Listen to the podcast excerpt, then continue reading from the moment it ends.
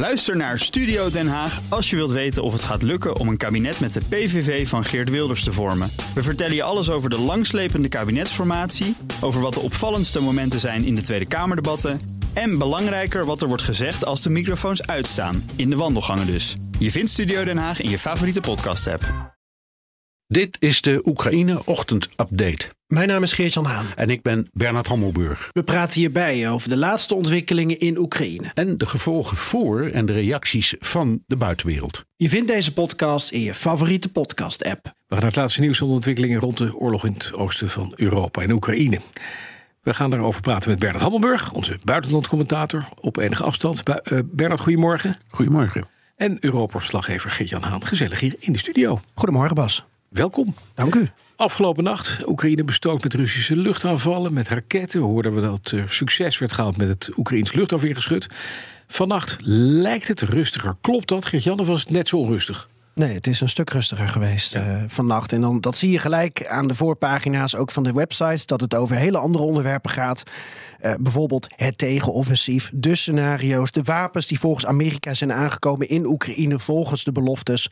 Ja. Ja, en het gaat heel veel over John Kirby, de Pentagon-woordvoerder... die gisteravond laat eh, intel over Russische slachtoffers in Oekraïne bekend En maakte. dat was nogal wat. Is sinds december 20.000 doden gevallen aan Russische zijde.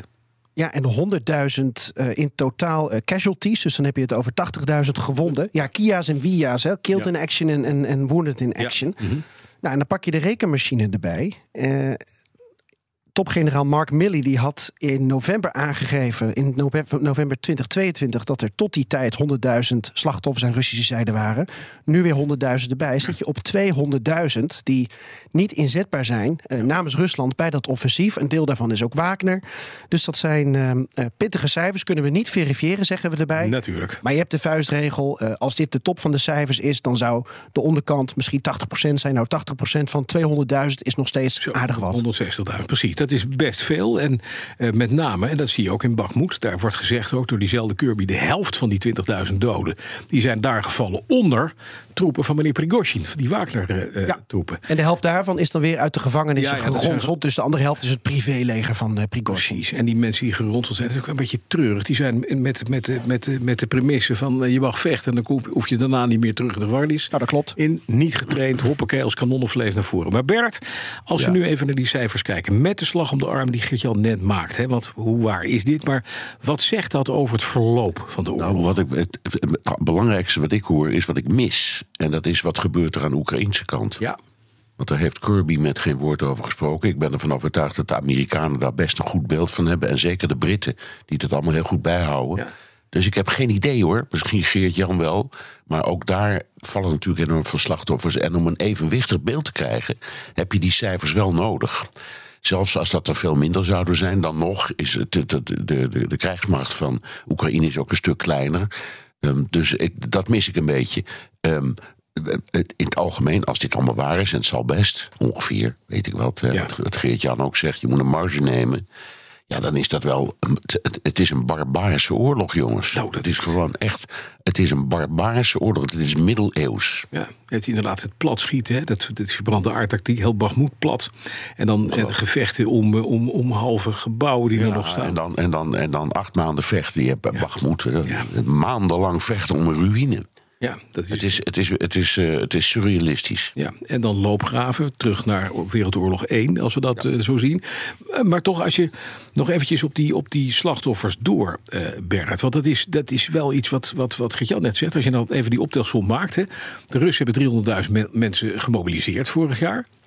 Ze hadden al een deel hadden ze de oorlog ingevoerd. Ze zijn nu de helft kwijt, als je de cijfers mag geloven. Ja, maar ze zijn wel bezig met het mobiliseren van wat Nieuwe ik ervan troepen. begrijp van Ja. eh, eh, nieuwe groepen soldaten. En wat ik er ook van begrijp is dat die ook wat beter getraind zijn. Dus dat zijn ehm, nou ja, zeggen mensen die iets, iets beter weten hoe je in zo'n gevechtssituatie moet omgaan. Ja. Die worden dan voornamelijk gestationeerd achter de linie. Ehm, en die linie die wordt dan op het ogenblik ook weer uitgebreid met een hele zwik nieuwe loopgraven. Ja.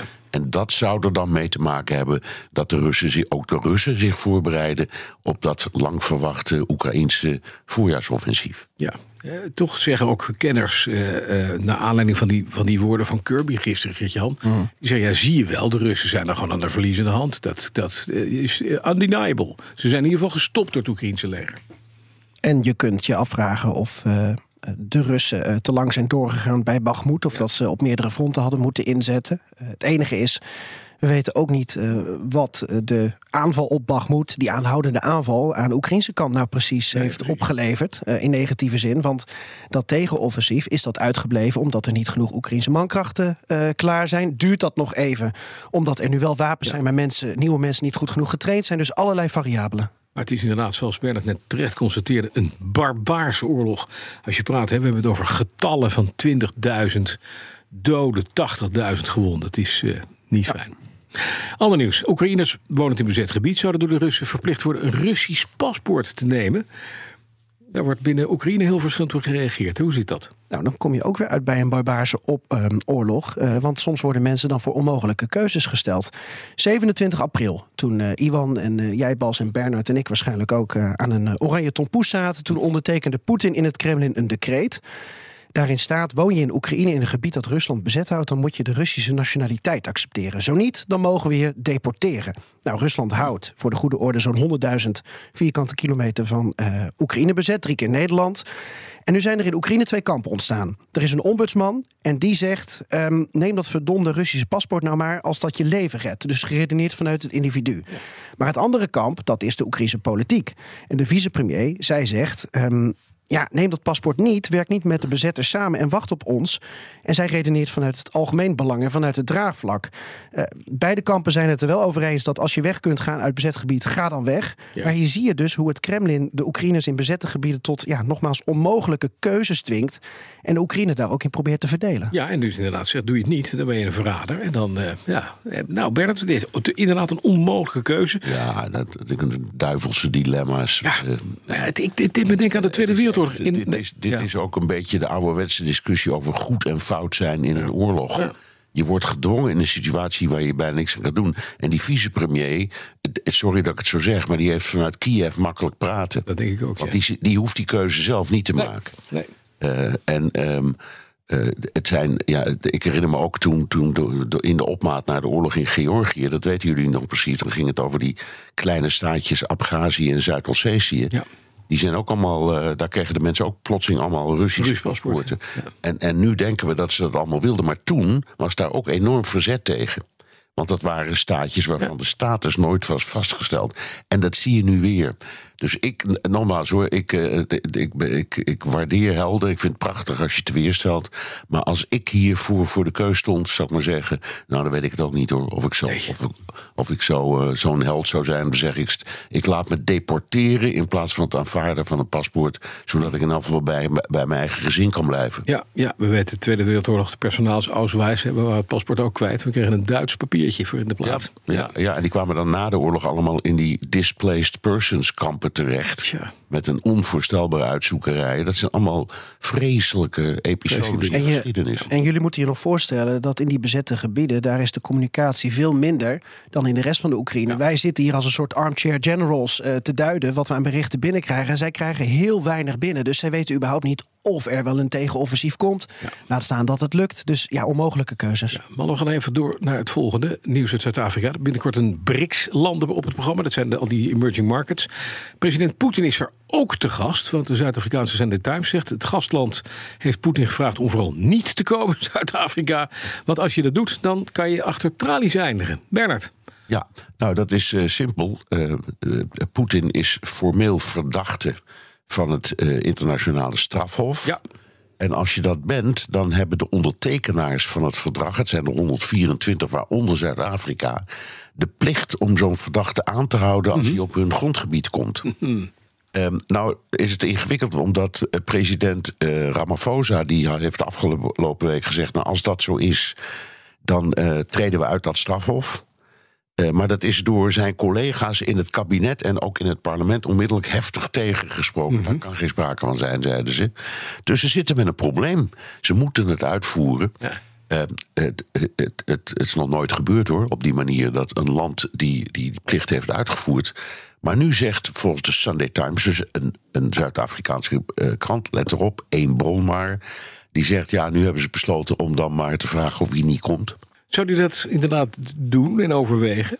Weet je wel? Zou die inderdaad, als die uitnodiging wordt ingetrokken, niet gaan? Ik vraag het me af. Ik, of hij het überhaupt zou doen. Volgens Peskov wel, zijn woordvoerder. Ja. Maar de andere optie is, eh, is virtueel eh, de bijeenkomst bijwonen. Ja. Hij reist niet zo heel veel, zeker niet buiten de voormalige Sovjet-Unie. Dus het zou ook wel bijzonder zijn als hij wel eh, zou gaan. Bovendien, als Xi Jinping daar ook is, ja, wordt hij dan weer op een soort eh, tweede rang gezet? Dat is de vraag. Ook Thomas van Zeil vind je in de BNR-app. Je kunt live naar mij luisteren in Zaken doen, de BNR-app met breaking news, het laatste zakelijke nieuws en je vindt er alle BNR-podcasts, bijvoorbeeld Het Nieuwe Geld. Download nu de gratis BNR-app en blijf scherp.